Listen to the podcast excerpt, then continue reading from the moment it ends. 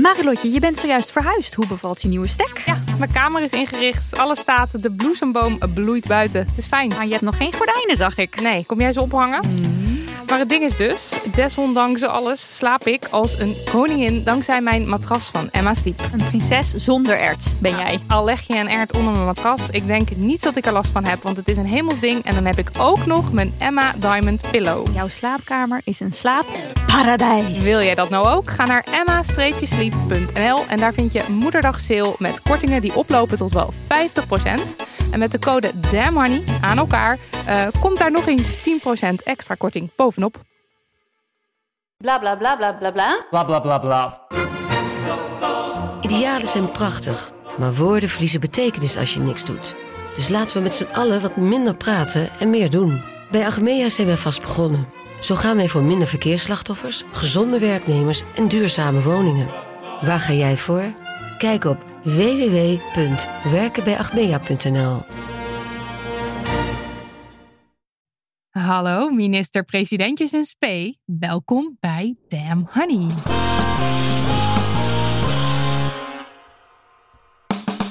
De podcast over shit waar je als vrouw van deze tijd mee moet dealen. Mijn naam is Marilotte. En ik ben Nidia. Welkom bij aflevering 60.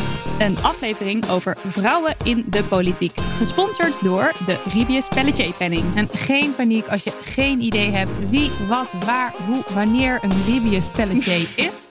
Laat staan daar dan een penning van. Want we leggen dat straks helemaal haarfijntjes uit. Ja, ik zal vast kort een tipje van de sluier uh, oplichten, zeg je geloof ik. Oplichten. Het is een prijs en die wordt elk jaar uitgereikt aan een vrouw die zich inzet voor vrouwen in de Noord-Hollandse politiek. En de penning, het doel daarvan is dat vrouwelijke rolmodellen zichtbaar worden. En dat is iets wat we nog altijd goed kunnen gebruiken, die rolmodellen. Want er zijn nog veel te weinig uh, vrouwen uh, in de politiek. Maar daarover later meer. Ja, daarover later meer. Eerst de gasten van vandaag, beiden zo'n rolmodel. De eerste die ik aan jullie voor mag stellen is Manja van der Wijt. Ze is VVD-gemeenteraadslid in Purmerend. En ze won vorig jaar de Ribius Pelletier Penning met haar initiatief VIPS. En dat is V-I-P-P-S in hoofdletters. Uh, en dat betekent Vrouwen in de Purmerendse Politiek. En VIPS is een politiek neutraal initiatief waarvanuit lezingen, trainingen en speeddates met politici worden georganiseerd. Met als doel vrouwen te enthousiasmeren voor de lokale politiek. Welkom, hallo Manja. Dank jullie wel gast nummer twee heb ik in de Oud en Nieuw aflevering nog genoemd als een van mijn rolmodellen. Uh, ze richtte de stichting Stem op een Vrouw op, waardoor menig vrouw die lager op de kandidatenlijst stond de politiek is ingecatapulteerd. We love to see it. En uh, bovendien won ze de Ribius Pelletier Penning in 2019. Dat is het eerste jaar dat de prijs werd uitgereikt. Het is Devika Partiman. Hallo. Hey, het is mij. Hallo. Jee, welkom. Het is mij. Uh, ja, we gaan beginnen met de feminist in. Marilot, hoe ging jij de feminist in? Uh, ja, nou, ik heb er zelfs hoe noem het, auditief bewijs van. Dat ik uh, de Iedereen heeft er auditief Ieder, bewijs ja, van. Iedereen had het kunnen horen, want het gebeurde namelijk uh, de vorige, in de vorige aflevering uh, met, um, met Morgan en Tijn. Toen was ik aan het vertellen uh, in een leuk bericht over een film, The Breaker Rupperers. En toen, denk twee dagen later of zo, kreeg ik opeens een voicebericht van, van Meerte Spiteri, onze uitgever. Ik ga hem eventjes laten horen. Oh mijn god, lol, lol, lol. Marilotte, ga op de strafbank zitten. Ik ben nu jullie nieuwe podcast aan het luisteren. Ik zit ook op de fiets, daarom ben ik aan het snotteren. Maar uh, daarin ben je over die film aan het vertellen. The Breaker Uppers. En dan zeg jij, zet die shamebel er maar onder. Dat gaat over twee meiden en die runnen een bedrijfje. Ja, ga je samen. Ja, ja, ja. Oh, ik had het over vrouwen en hun bedrijfje. Echt zo erg. En ik, ik, uh, ik hoorde het. Ik dacht, oh ja. Nou ja, nee. In eerste instantie ging ik natuurlijk in de verdediging. Want dat is wat ik doe. En dan denk ik van, ja, oké. Maar het ging, zij hebben een bedrijf. En uh, die, dat, dat, dat, het idee daarachter is dus uh, dat je hun kunt inhuren als, jou, als jij je relatie zat bent. En dan gaan zij iets in scène zetten om het uit te maken met je partner. Dus ik dacht zo van ja, maar dat is niet een serieus bedrijf. Dus dat noem je dan een bedrijfje. Maar toen dacht ik daarna, stel het ging over twee mannen met eenzelfde soort bedrijf. Dan had ik denk ik dus bedrijf gezegd in plaats van bedrijfje. Ja, en we hebben dus eh, we hebben een boek geschreven. Heb je nou al een vriend met 50 shit-opmerkingen die je als vrouw zou kunnen krijgen? En daarin zit ook van hoe gaat het met je bedrijfje? Daar hebben we gewoon letterlijk een hoofdstuk over En geschreven. daar had ik echt de grootste lol in. En zo boos dat mensen het nooit serieus nemen. En, en Look dat- at you now. Ja, erg. Nou, eh Meerte, bedankt. Ik ben weer eh, lekker scherp inmiddels. Nu, hoop ik, denk ik. Nidia. Ja, wij hadden het laatst, jij en ik, Marilot, over de toeslagenaffaire. Of schandaal zou je het beter misschien kunnen noemen. En eh, toen kwam ik opeens niet meer op de naam van die vrouw naast Pieter Omzicht. dus ik dacht, ja, er was er, er is er nog eentje. Ja, hoe heet ze nou ook alweer? Maar eerlijk, jij wist het ook niet meer.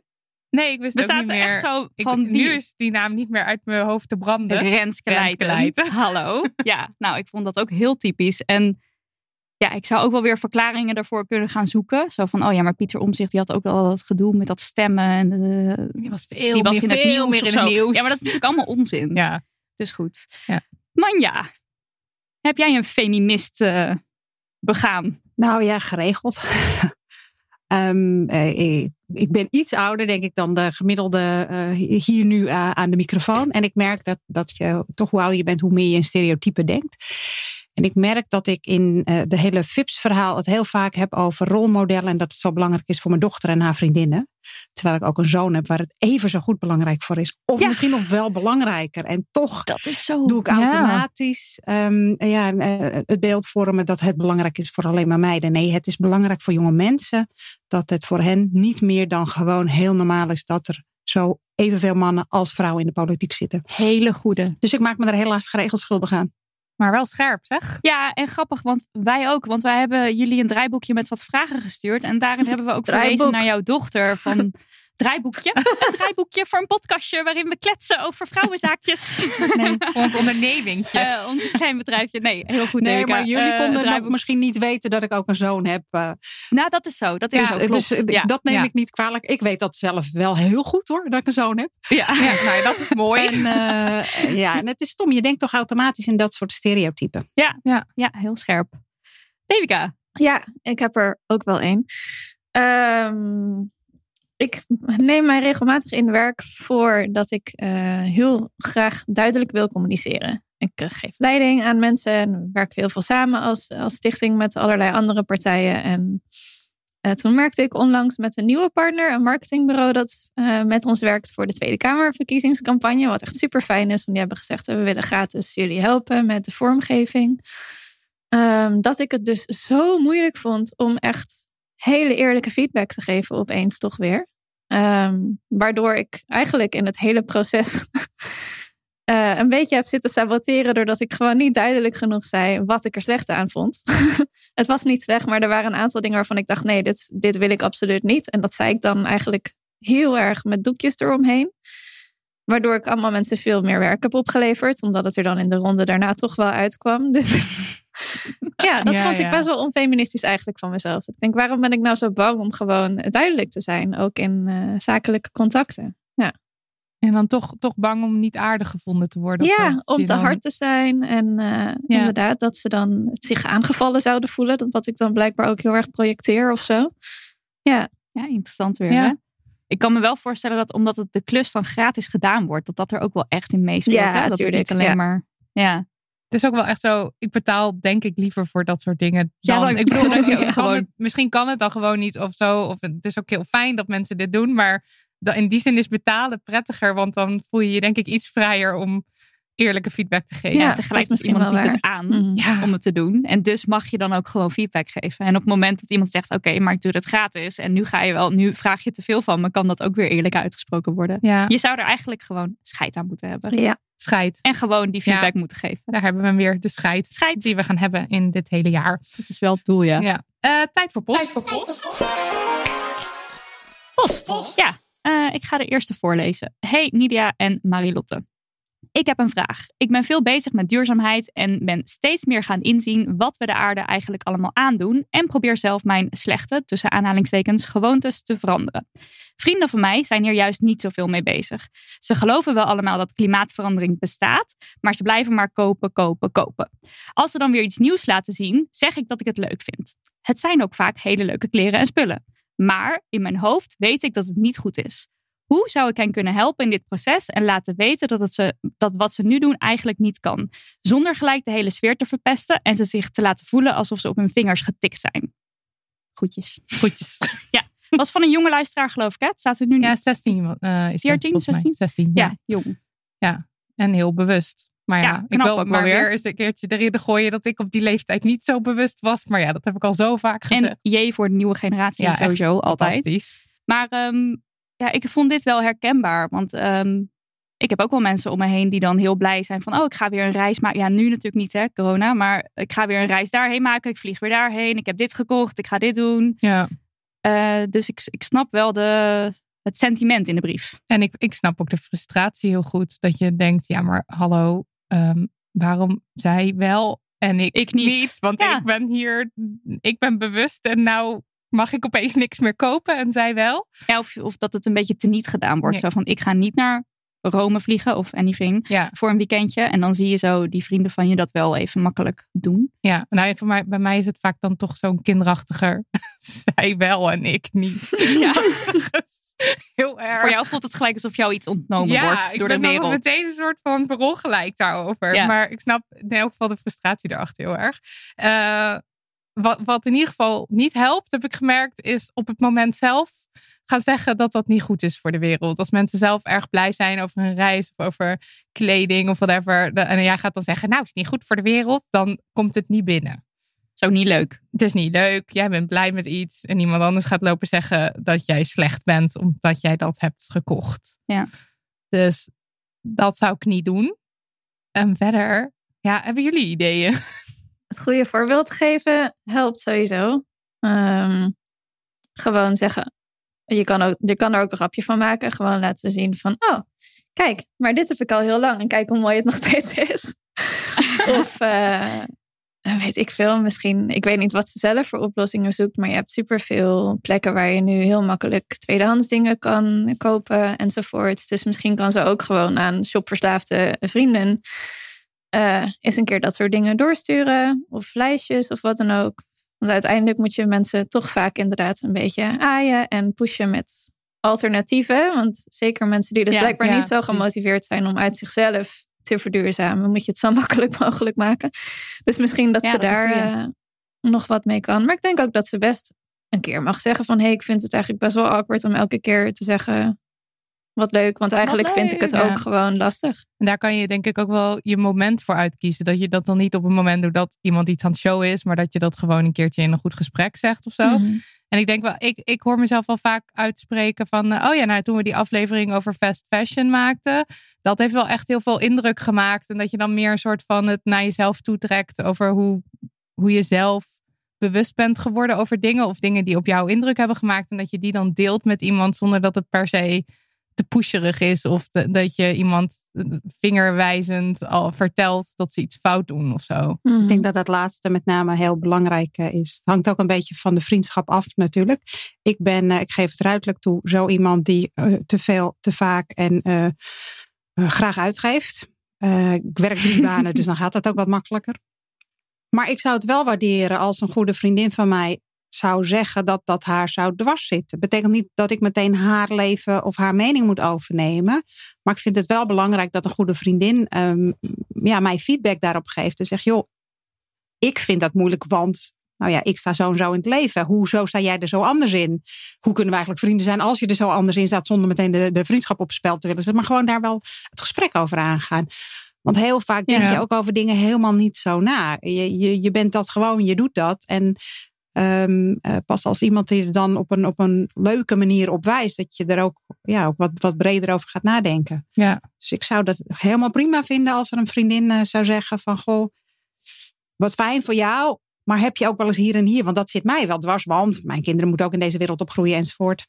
Dus eh, Ja. ja, ik zou ja, het helemaal, eh, helemaal goed Goeie. vinden. Ja, want wat je, je wilt niet zo op die manier met vingertje wijzen doen dat mensen eigenlijk ook niks meer tegen jou durven te zeggen, maar ondertussen wel gewoon blijven uitgeven. Want dan gaan ze misschien dat truitje niet meer actief van jou laten zien, van kijk wat ik nu heb, maar dan lopen ze er wel elke week weer met iets nieuws. Ja, en dan is het dus Nou ja. wel zo dat jij inderdaad dat nieuws niet hoeft te horen, maar, Maar ze, het- kopen alsnog dus dan dat verandert er niks.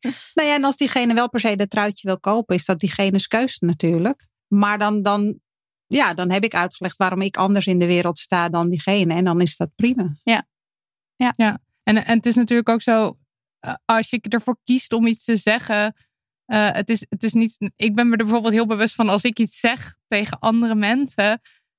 Ik weet ook dat ik honderd dingen ook nog fout doe. Dat ik niet. eh, ik, ik, ben niet een, ik ben niet een heilige. Dat is die uitspraak eh, over die balk uit je Die eigen zonder oog. zonde is Oh ja, die- werpen de eerste steen. Werpen de eerste steen. Vind ik een mooie uitspraak. Ja. Ja, dat vind ik ook. Eh, maar niet als dat die is tegelijkertijd betekent dat die wordt misbruikt om, om dan ieders kritiek maar dood te doen. Want daarmee wordt de, de uitspraak Ja. mij wel te vaak gebruikt. Ehm, Ja. Oh ja, nee, dan wordt het erg makkelijk. Hoezo zou jij ni- niks mogen zeggen omdat je zelf fouten maakt? Tuurlijk mag je dingen Ja. zeggen. Het gaat er alleen om dat je het bij jezelf houdt. Ik vind het vervelend, ik vind het jammer. Maar ja, als we allemaal zo heel kritiekloos wordt de wereld ook zo saai. Ja, heb je helemaal gelijk in. Ja, en kritiek brengt ons ook verder. Ja, ja, precies, daar leer je van. Ja, dat is ook nog. Kritiek is natuurlijk niet per se iets slechts of zo. Nee, het- ik zit meer te denken aan.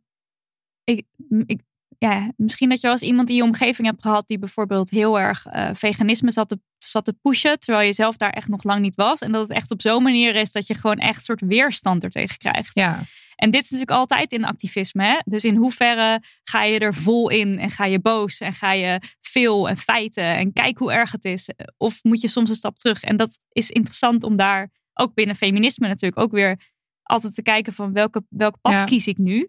En dan is het dus soms misschien ja, slim om je moment te kiezen en het niet een continu iets te laten zijn. Ook om het jezelf niet te laten overspoelen, die woede ja, of dat gevoel van. En dan kom je alweer met wat nieuws. Dat het je bij jezelf heel hoog gaat zitten. En dat eigenlijk jouw leven daardoor ook een soort.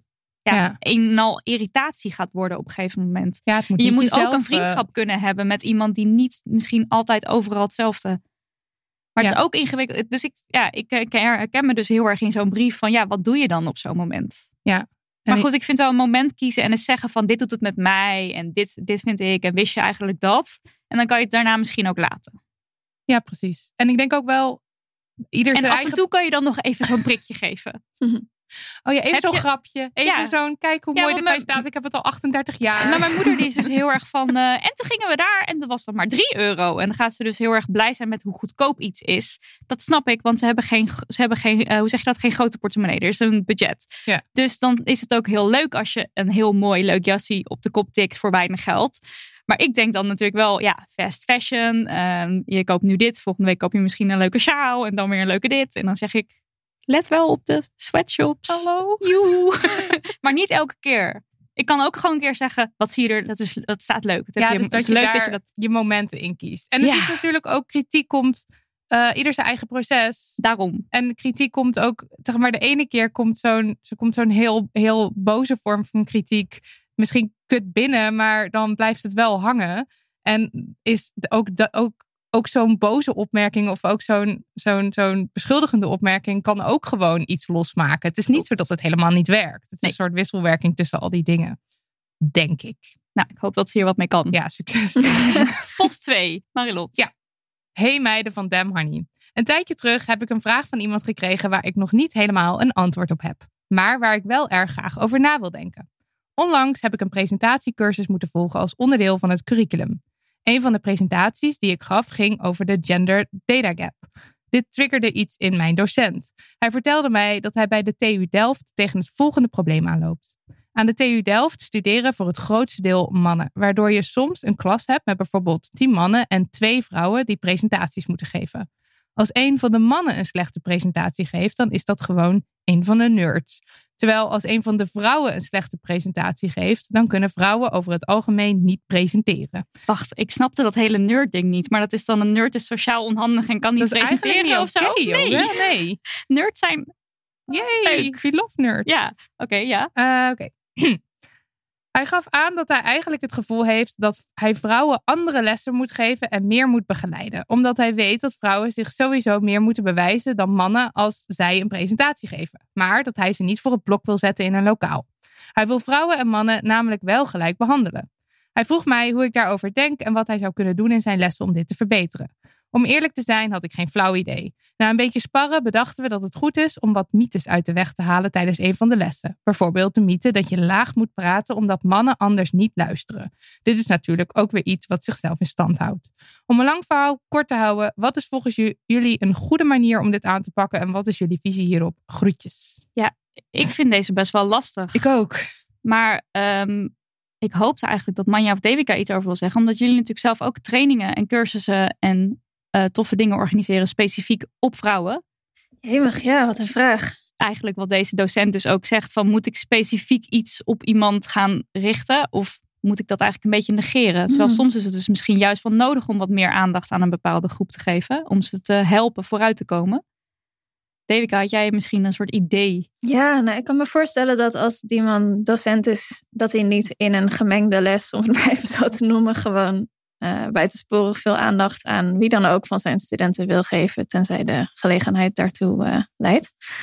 Maar dus dat, dat lijkt me helemaal de goede lijn. Maar wat je kan doen, ja, god, ehm, je kan inderdaad mythes wegnemen. Dat vind ik al een prima suggestie. Maar als hij als docent op een grote universiteit eigenlijk denkt, eh, we moeten vrouwelijke studenten überhaupt wat beter begeleiden op dit gebied. Doe het dan los van je eigen lessen en inderdaad huur eens een keer ehm, iemand in die bijvoorbeeld een goede presentatiecursus kan geven. Want er zijn zat mensen die dat, die dat doen. En dan natuurlijk mag het voor alle studenten.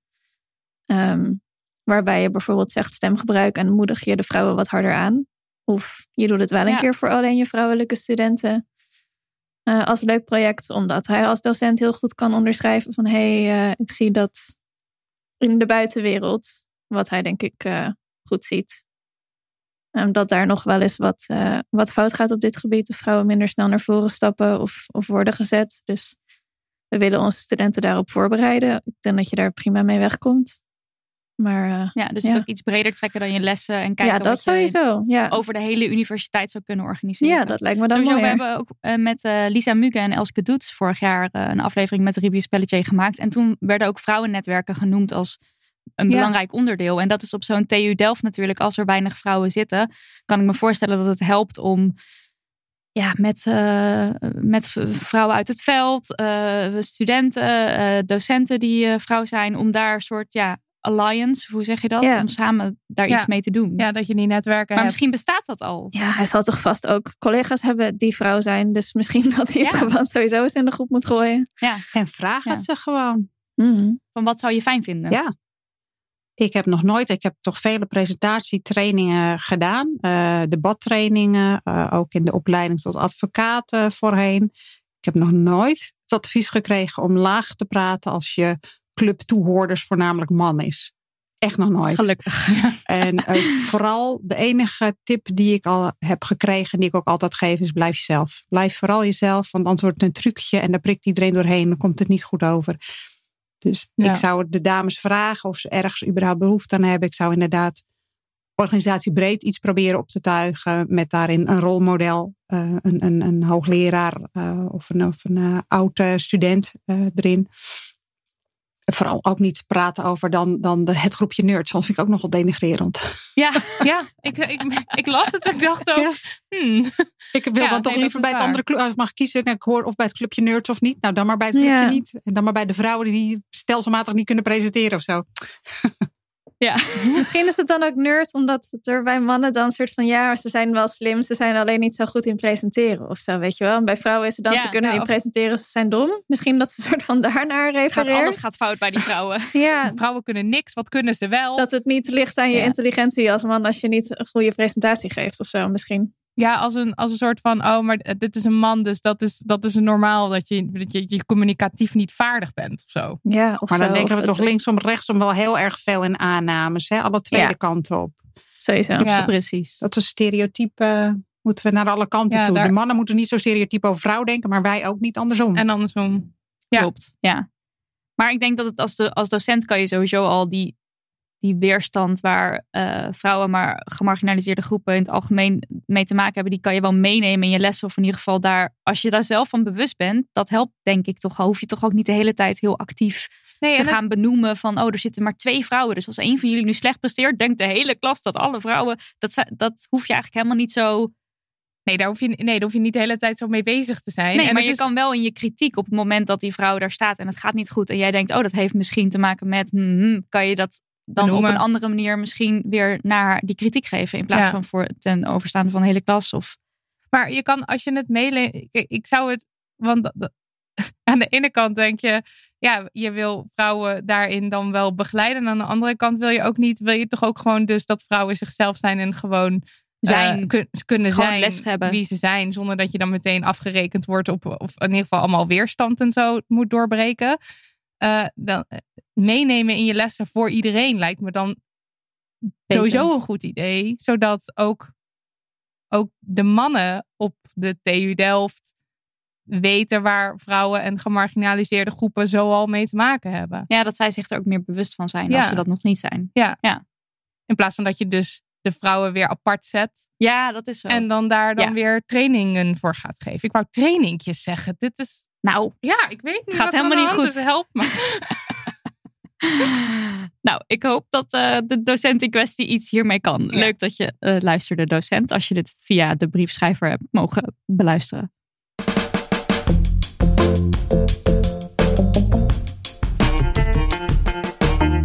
We moeten het even hebben over vrouwen in de politiek. En dat doen we dankzij de Ribius Pelletier Penning. In 2019 riepen de provinciale staten deze onderscheiding in het leven. De penning zal vijf jaar lang elk jaar worden uitgereikt aan een vrouw die zich inzet voor de positie van vrouwen in de politiek in Noord-Holland. Dit jaar wordt die voor de derde keer uitgereikt. En laten we hopen dat we na het vijfde jaar denken van huh, waarom gaven we ooit penningen om deze reden aan mensen. Eh, dit jaar is het helaas wel nog hard nodig om de spotlight te zetten op vrouwen die de positie van andere vrouwen verbeteren. En mocht jij nou zelf zo'n vrouw kennen, dan kan je haar aandragen. De nominaties zijn namelijk in volle gang. En op 5 maart wordt bekendgemaakt wie hem dit jaar wint. De voorzitter van de jury, minister van Staat Sibylla Dekker, zal de penning dan uitreiken. En naast de voorzitter Sibylla Dekker bestaat de vakjury uit Elske Doets en Lisa Muge. En die waren beide vorig jaar te gast in This Very Podcast. Dat is aflevering 37. Eh, Oud-statenlid Rina van Rooij en Manja van der Wijt, nu te gast. Eh, de penning is vernoemd naar sociaaldemocrate, feminist, bestuurder en politica Lisbeth Ribius Pelletier. De eerste vrouwelijke bestuurder van Noord-Holland. En haar hele leven maakte ze zich hard voor vrouwenrechten. Ja, en vandaag praten we dus over vrouwen in de politiek met de twee eh, winnaars van eh, 2019 en 2020.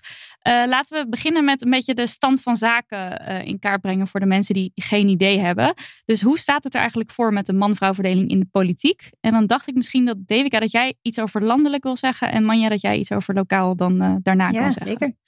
Ehm, het staat er niet bijzonder goed voor. Ehm, nou ja, landelijk bijvoorbeeld in de Tweede Kamer is nu eh, net iets minder dan een derde van de Tweede Kamerleden is vrouw. En het is sowieso nooit hoger geweest dan eh 40 procent. En dat was ook een hoge uitschieter in de geschiedenis. Ehm, en dat zie je eigenlijk in alle lagen van de politiek terug. Eh, dat percentage in de Kamer is echt nog hoog als je echt verder gaat zoeken naar alle politieke lagen. En ja, als je gewoon kijkt naar hoe lang we politiek mogen meedoen en dat die gelijkheid er gewoon nog nooit is geweest. Ja, het blijft me verbazen. Ja, Ja, Ja, als mij de vraag wordt gesteld, hoe staan we ervoor? Nou, gewoon beroerd. Gewoon ronduit beroerd. Ehm, van de gemeenteraadsleden ongeveer een derde vrouw. Hè. Er zijn uitschieters, sommige gemeenteraden wat meer, andere, maar gemiddeld genomen een derde. Dus als je even zegt, alles waar je uiteindelijk als eh, eh, inwoner van Nederland eh, via je, je stem invloed op uit eh, kan oefenen, is ongeveer een derde. En alle gremia waar je dat niet zo rechtstreeks doet, eh, denk bijvoorbeeld aan de eh, commissaris van de Koning, dan is het nog veel lager. Mhm. We hebben nu twee van de twaalf. Mhm. Ja, ik echt om te schamen. Dus Ja. als de koning luistert, en dat doet hij vast, zorg ervoor. dat- ja, toch? of in ieder geval de prinses. Nou, dat lijkt me op zijn minst. Laat ze even regelen dat hun vader volgende keer eh, ook wat meer vrouwen gaat benoemen. Want dit kan echt niet meer. Ja, want ik, eh, Burgemeesters, veel te laag. als politieke eh, noob, ik weet er echt bijzonder weinig vanaf. Dat is dus een positie die jou wordt gegeven vanuit de koning. Dus die heeft de macht om daar te kiezen, mannen, vrouwen. Nou, of hij feitelijk, de, je heet commissaris van de Koning, hoe precies eh, eh, het daar het loopt. Het is niet in ieder geval iets rechtstreeks verkiesbaars.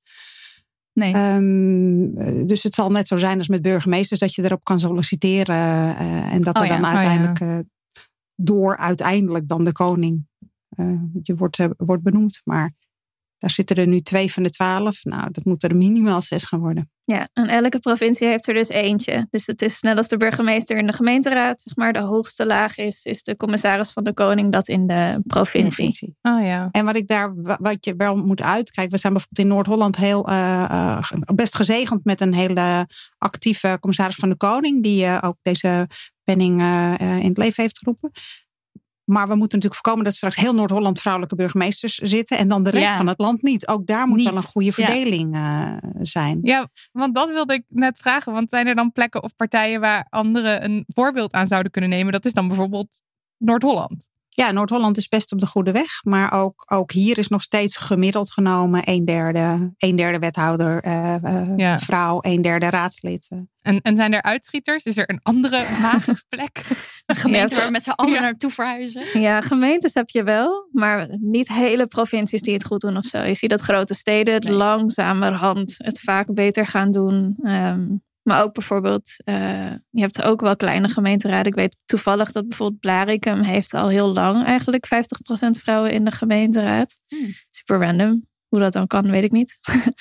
Eh, maar in volgens mij Haarlem zit het heel dicht in de buurt. In Amsterdam en in Utrecht. En volgens mij ook in Nijmegen en Groningen zit het allemaal rond de 50% dus de grote steden gaan wel steeds beter. Maar de rest, eh, ja, niet. Misschien moeten we eerst even de klassieker onder de klassiekers Ja. van de vragen doen. Als we het dus over vrouwen in de politiek hebben. Want ehm, ik hoor gewoon nu alweer mensen denken. Ja, maar waarom is het dan zo belangrijk dat die vrouwen daar zitten? Want het gaat toch om de kwaliteit. En ik heb het gevoel dat ik deze vraag al acht keer aan DWK op verschillende Dat plekken. En je zal hem ook ongetwijfeld nog heel vaak krijgen Mhm. richting de Tweede Kamerverkiezingen. Maar zou je het nog een keer willen uitleggen? Ja, zeker. Ehm, nou ja, ik zeg eigenlijk dat altijd, ja, natuurlijk gaat het om kwaliteit. Eh, maar wat bedoel je daarmee? En kwaliteit eh, in de politiek is dat iedereen die onderdeel van het volk is, zichzelf vertegenwoordigd ziet. En dat de politiek een afspiegeling is daarvan. En daar hoort dus bij dat er heel veel vrouwen actief zijn. Gewoon de helft. En dat is beter voor de kwaliteit, omdat de besluitvorming dan eh, gewoon letterlijk veel meer klopt. Want eh, precies die mensen praten mee over wie het gaat. Dus dat leidt gewoon tot andere uitkomsten. het leidt tot andere input. Het leidt vaak ook, nou, ik vergelijk het vaak een beetje met vri- vriendengroepen, tot een andere cultuur. Als je in een vriendengroep zit met bijna alleen maar mannen, ehm, is er een andere vibe dan dat je vriendengroep bijna alleen uit vrouwen bestaat. Dat is net zo in de politiek. Het zijn net mensen. Dus die 50-50 is gewoon super belangrijk om, eh, om die sfeer en alles wat je op tafel krijgt gewoon goed te doen. Dus Ja, Ik heb hier wel een grappig voorbeeld van. Ik hoorde uit een eh, vriendengroep met mannen, niet nader te noemen wie dat dan waren, dat dan een grap werd gemaakt van, oh je mag alleen nog maar met je hond naar buiten, dan kan ik mijn vrouw wel aanlijnen of mijn vriendin. oh, Terwijl dus in vrouwengroepen, dat Ja. heb ik dan weer iets wat ik, eh, wat ik bij mij eh, hoor, is ik heb een hond en dan moet je dus, eh, je mag alleen nog maar in je eentje je hond uitlaten. Wat ik, ik kan daar heel goed inkomen, vanwege de avondklok, ik kan daar heel goed inkomen, want als ik nou met z'n tweeën mag, dan zou ik in principe Marilotte kunnen ophalen en ergens anders kunnen afzetten. Dan zou ik als een soort van raar transportkanaal kunnen gaan eh, werken en daar heel rijk mee worden. Ook echt heel ver. Nou ja, Dat maar is ja. ook heel ver gezocht. Maar goed, ik snap ergens wel waar die regel van komt. Maar goed, voel ik mij nou fijn als ik in mijn eentje nog eh, om tien uur s avonds met Toby over straat ga? Nee. En ik ben dus laatst ook geweest. En er waren ook meteen weer van die gasten waarvan ik dacht: oh, dit voelt niet helemaal lekker. En zij waren: oh, het is wel handig een hondje. Hè? En het, het Ja. was gewoon gelijk een beetje vervelend. En ik ga dan weer eh, stom staan meelachen. Van, ha, ja, hondje, ha, heel handig. En zij waren ook zo, ja, sommige dingen moeten nou eenmaal gebeuren. Ik zou, ja, haha, terwijl ik helemaal niet het daarmee eens ben. Ik vind gewoon, blijf gewoon thuis. Dat is nu eventjes hoe het is. Maar goed, ik verander dan ook in een apart soort eh giechelende vrouw. Ook omdat ik het een beetje eng vind. Ja, ik wou net zeggen, want je voelt je ook gewoon onveilig. Ja, ja, Ja. en dit is dan. eh, ik woon in de stad. Ik woon, er zijn veel mensen hier. Ik hoef niet per se op een gebied te komen waar, waar ik me nog misschien nog, nog minder veilig zou voelen. Maar goed, ik vond dat is dus alweer een voorbeeld van mannengroepen, vrouwengroepen. En hoe wordt gereageerd op zo'n maatregel? Wie Mhm. bedenkt zo'n maatregel? Eh, en ik kan Daniel ook naar buiten laten gaan. En goed, maar er zijn ook natuurlijk vrouwen die, de, die wel in hun eentje nu eh, de straat op moeten. Terwijl ze anders misschien met hun vriendin of een vriendin. Ja, dus er zat ja, iemand in de DM bij ons die zei: Ik ga normaal altijd met een, met, samen met een vriendin die in hetzelfde in gebouw hetzelfde woont. pand woont. Gaan, gaan we samen haar hond uitlaten, omdat zij eigenlijk liever niet alleen over straat gaat. Ja. En hoe moet dat nou nu met die avondklok? Ja, Oh. en ook met een ervaring van vervelende Ja. eerdere situaties, waardoor ze altijd. Maar goed, dat is een heel klein voorbeeld van hoe dan mannen versus vrouwen dus op zoiets eh, zouden kunnen reageren. Mhm. En dan zou je dus zeggen: dat alleen al voegt het toe dat er vrouwen in de politiek zitten. Dat je dan. Maar ik zou de vraag nog wel een stap terug willen nemen. Want door te vragen of door te zeggen, ja, maar het gaat toch om de kwaliteit, suggereer je dus dat er onvoldoende vrouwen zouden zijn met kwaliteit. Nee, vanzelfsprekend gaat het om de kwaliteit. Ja. Dat staat volledig buiten kijf. Maar dat betekent dus niet dat je niet gewoon 50% vrouwen kunt krijgen in de politiek. Er zijn meer dan genoeg dames die dit makkelijk kunnen, die hoger opgeleid zijn, hoeft niet eens voor de politiek. Uh, je moet het leuk vinden om mee te denken over je leefomgeving. En je moet bereid zijn om daar energie in te steken naar leuke babbel. En het een beetje met respect kunnen brengen is ook mooi meegenomen. En daar zijn echt zatte dames van. Dus, dus degene die zegt het gaat om kwaliteit. die zegt eigenlijk iets heel erg doms. Ja, Ja. daar heb je nog wel een hartig woordje mee te spreken. Absoluut.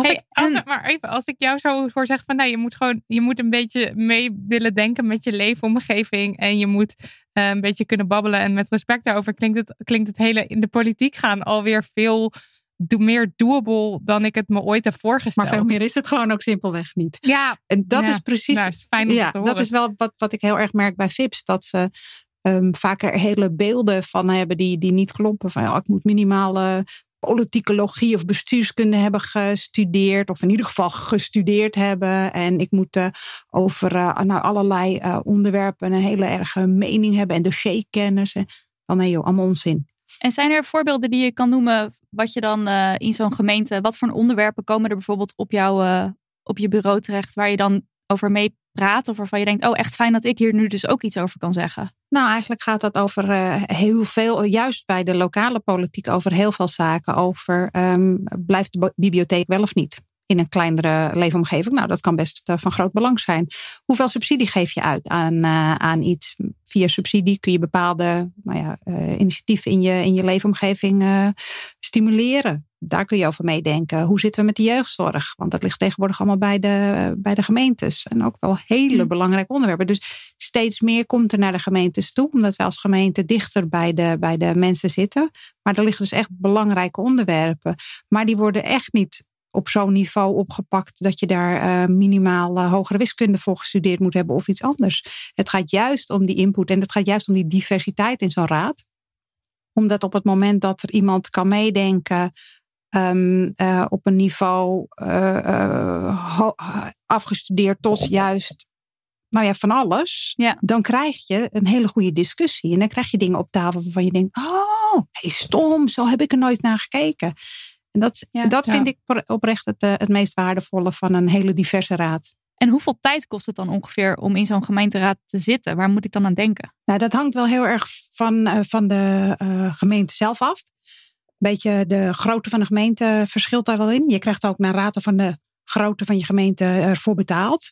Dus je kunt ook vaak nog gewoon eh, nou ja, een eh, uren vrij nemen of zo. Ehm, ik ben ongeveer 15 uur per week ermee bezig. Oh ja. ja, want je zei, je noemde net dat je drie banen hebt. Ehm, en ik, misschien dat deze sprong te ver is. Nou, ik denk het eigenlijk niet. We, uit cijfers weten we dat vrouwen anderhalf keer meer onbetaald zorgwerk op zich nemen. Ehm, ja, dan wordt het natuurlijk wel lastig om daarnaast nog eh, een, een, eh, bijvoorbeeld in de gemeenteraad te zitten. Kan ik me voorstellen. Is dat iets wat een reden zou kunnen zijn voor minder vrouwen in de politiek? Dat zou een reden kunnen zijn. Maar ehm, kijk, vooral in de wat grotere gemeentes krijg je er best aardig voor betaald. En is het juist om die reden ook prima te komen. Ik heb het in ieder geval altijd heel goed te combineren gevonden met de kleine kinderen. Het is vellen in de avonduren. En dan liggen kinderen op bed. Dus dat is op zich heel prima te doen. Eh, maar dat, dat weet men vaak niet. Dat er een, een vergoeding tegenover staat. Wat ik wel vind is dat vanuit landelijk vooral de kleinere gemeenten daar echt wat beter voor zouden kunnen vergoeden. Want je krijgt als Hm. raadslid in een kleine gemeente maar een paar honderd euro. Ja, en dan is het vaak Oh weer niet rendabel. Ja. ja. Dus we zouden veel meer echt als een baan moeten zien. En, en wat waren jouw beweegredenen om, eh, om de politiek in te gaan? Nou, ik ben in de tijd uh, erop gewezen door een uh, toenmalige leidinggevende. Zij was ooit uh, wethouder in Purmerend. En ze is later gemeentesecretaris ergens geworden en daar werkte ik. En uh, zij zei van, ja, joh, je hebt altijd wel een uh, mening. En waarom zit jij eigenlijk niet in de politiek? Ja, ja goh, eigenlijk nooit over nagedacht. In de politiek gewoon echt letterlijk nooit. Ik werkte in gemeente, hè. Zelf nooit over nagedacht om in de politiek te gaan. Ja, grappig. Ja, dus dat, zo, zo, uh, zo weinig zijn we er als vrouw mee bezig dat dit je carrière ook kan zijn. Ja. En toen eigenlijk door, door haar specifieke vraag ben ik ermee aan de slag gegaan. Ook omdat er wel wat een, een aantal situaties waren waarvan ik dacht van joh, dat kan naar mijn mening best anders. Ja, en die twee dingen bij elkaar genomen. Uh, zij heeft me ook in contact gebracht met, uh, met de partij. Was ook niet de partij van haar kleur.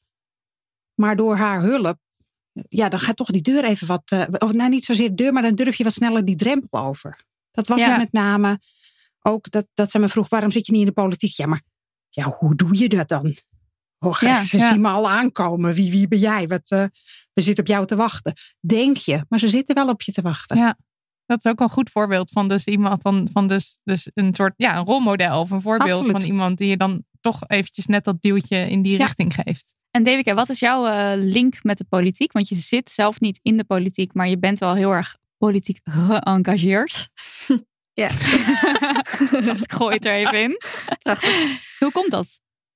Um, ja, nou echt wel uit, uit de zorgen. Omdat ik het uh, gevoel had of bang was, denk ik, dat ik niet voldoende gehoord werd. En dat dat toch wel gevolgen kon hebben voor mijn leven. En dat van andere mensen om me heen uh, die dat gevoel deelden. Ik was voordat ik Stem op een Vrouw begon uh, heel actief in de antiracismebeweging. Met name bij Zwarte Pieters Racisme. En dat was voor mij ook echt een enorme eye-opener over wat er gebeurt op het moment dat er dus bijvoorbeeld niemand in de Tweede Kamer zit die zwart is. Uh, om me even breder te trekken. Er was echt niemand in die Kamer die daar gewoon fatsoenlijke gesprekken over kon voeren. Die eerste paar jaren. Uh, dat eigenlijk heel Nederland met elkaar in de clinch lag over dat lastige onderwerp. En uh, de meeste politieke partijen kozen er de eerste paar jaar voor om te zeggen: het is niet aan ons, het is aan de samenleving. Of die zeiden gewoon helemaal niks. En dat vond ik zo kwalijk. Ik echt, ja, maar dit is toch ook, dit is allemaal de samenleving. Dus dan, en dat, die horen jullie te vertegenwoordigen. Dus je gaat er, je hoort hierover te praten. Je hoort hierover mensen te horen. En als mensen zeggen, dit is racistisch, uh, dit kwetst me. En hier hebben mijn kinderen last van. Dan kan je toch niet, als je in de politiek zit met goed fatsoen, zeggen: ja, zoek het zelf maar uit. Dus um, dat dat ook wel een heel extreem voorbeeld was voor mij van Stel dat je helemaal niet gehoord wordt, echt politiek. Wat voor zwarte mensen denk ik toen echt zo wel was. Nauwelijks in ieder geval. Um, ja, dat zorgt voor hele pijnlijke situaties. Dan kan je dus gewoon zelfs genegeerd worden. En als vrouwen hebben we het natuurlijk dan in het algemeen wat beter voor elkaar. Tenzij je dus bijvoorbeeld een zwarte vrouw bent. Maar um, ja, ik vond het gewoon heel op alles, denk ik, van het hoort toch niet dat 70% mannen over mij van alles maar zitten beslissen. Hoe makkelijk kunnen ook sommige rechten wel niet weggenomen worden met de verkeerde man ja. aan de macht. Dus ja, dat was, het was echt zorgen. Ja. Ik vind dat ook wel goed wat je zegt. Dat 70% mannen iets over mij te zeggen heeft. Want je hebt denk ik al snel zoiets. Nou, misschien, ik moet misschien niet te algemeen praten, maar goed, ik heb dan al snel zoiets van de politiek. En ondertussen ben ik lang genoeg bezig met feminisme en ja. uh, ook wel met politiek om te snappen dat dat niet zo is politiek heeft wel degelijk invloed op jou. En er worden keuzes gemaakt die jou ook echt aangaan. En als jij dan nu zegt van 70% mannen maakt uh, keuzes over mijn leven, denk ik, hell no, dat ja, wil ik niet. Precies. Ja, Manja uh, noemde bijvoorbeeld als subsidie. Ik ben ondernemer. Um, maar bij start-ups bijvoorbeeld gaat maar 1 of 2% van alle investeringen in start-ups gaat naar ondernemingen van vrouwen. Weet je, dus het ja. gaat over alles. Ja, omdat, het, ja. omdat we dus met z'n allen vinden dat die bedrijfjes hebben die niet serieus exact. genomen worden. En vrouwen vaker sociale ondernemingen hebben, wat wordt gezien als hè, minder potentie op heel veel winst maken. Terwijl we doen, hè, doen we eens een keer wat goeds voor de wereld, dan verdienen we er niet genoeg geld mee. Dus ja, nou ja, hè? zo kunnen we nog wel even doorgaan. Maar op elk gebied heeft dit gewoon gevolgen, denk ik. Weet ik. En toen ben je Stem, stem op een Vrouw begonnen. Wat, wat doet Stem op een Vrouw? Um, nou, we proberen eigenlijk heel simpel mensen te motiveren om, uh, als ze het toch al belangrijk vinden dat er meer vrouwen in de politiek komen, om dan slimmer te stemmen. Um, Dus we leggen eigenlijk uit dat heel veel mensen eh, die op vrouwen stemmen vaak op dezelfde stemmen, die eerste vrouw op de lijst. En daardoor krijgt hij zoveel stemmen dat ze eigenlijk doorcijpelen naar de rest van die kandidatenlijst. En dat zijn toch vaak dus meer mannen dan vrouwen. Dus eigenlijk stemmen we met z'n allen op al die andere mannen. en dat is niet zo effectief. Dus wij zijn gaan uitleggen van, hè, wil je nou echt meer vrouwen verkozen krijgen? Kijk dan eens wat lager um, naar de vrouwen die er misschien net buiten zouden vallen. Um, maar die jou ook kunnen aanspreken. Verdiep je daar eens in. En als je op diegene stemt, dan uh, kan je ervoor zorgen dat er echt meer vrouwen verkozen wordt. En uh, dat werkt eigenlijk gewoon heel goed. En uh, we doen nog veel meer, maar dat is, het, dat is het belangrijkste. En wat zijn de, even de concrete resultaten van bijvoorbeeld, of heb je, ja, die heb je vast paraat. Absoluut. Ja. ja. Nou ja we zijn begonnen vier jaar geleden uh, bij de Tweede Kamerverkiezingen. Toen echt vlak ervoor. En toen dachten we echt, nou ja, we waren echt totaal onbekend. We hadden geen geld. Um, ja, we dachten, het is gewoon een leuke actie voor één keer. En toen werden er eigenlijk direct al. Um, het werd supergoed opgepikt. Wonder boven wonder stonden we binnen een paar uur nadat onze website online stond. Op de website van de NOS. En toen is het heel snel gaan rollen, toch nog in die paar weken voor de verkiezingen. En toen werden er drie vrouwen extra verkozen in de Tweede Kamer. Waaronder Lilianne Ploemen, die nu net partijleider bij de PvdA uh, is geworden. Die was al vrij bekend, dus daar neem ik de credits niet voor. Maar die andere twee toch wel voor een deel.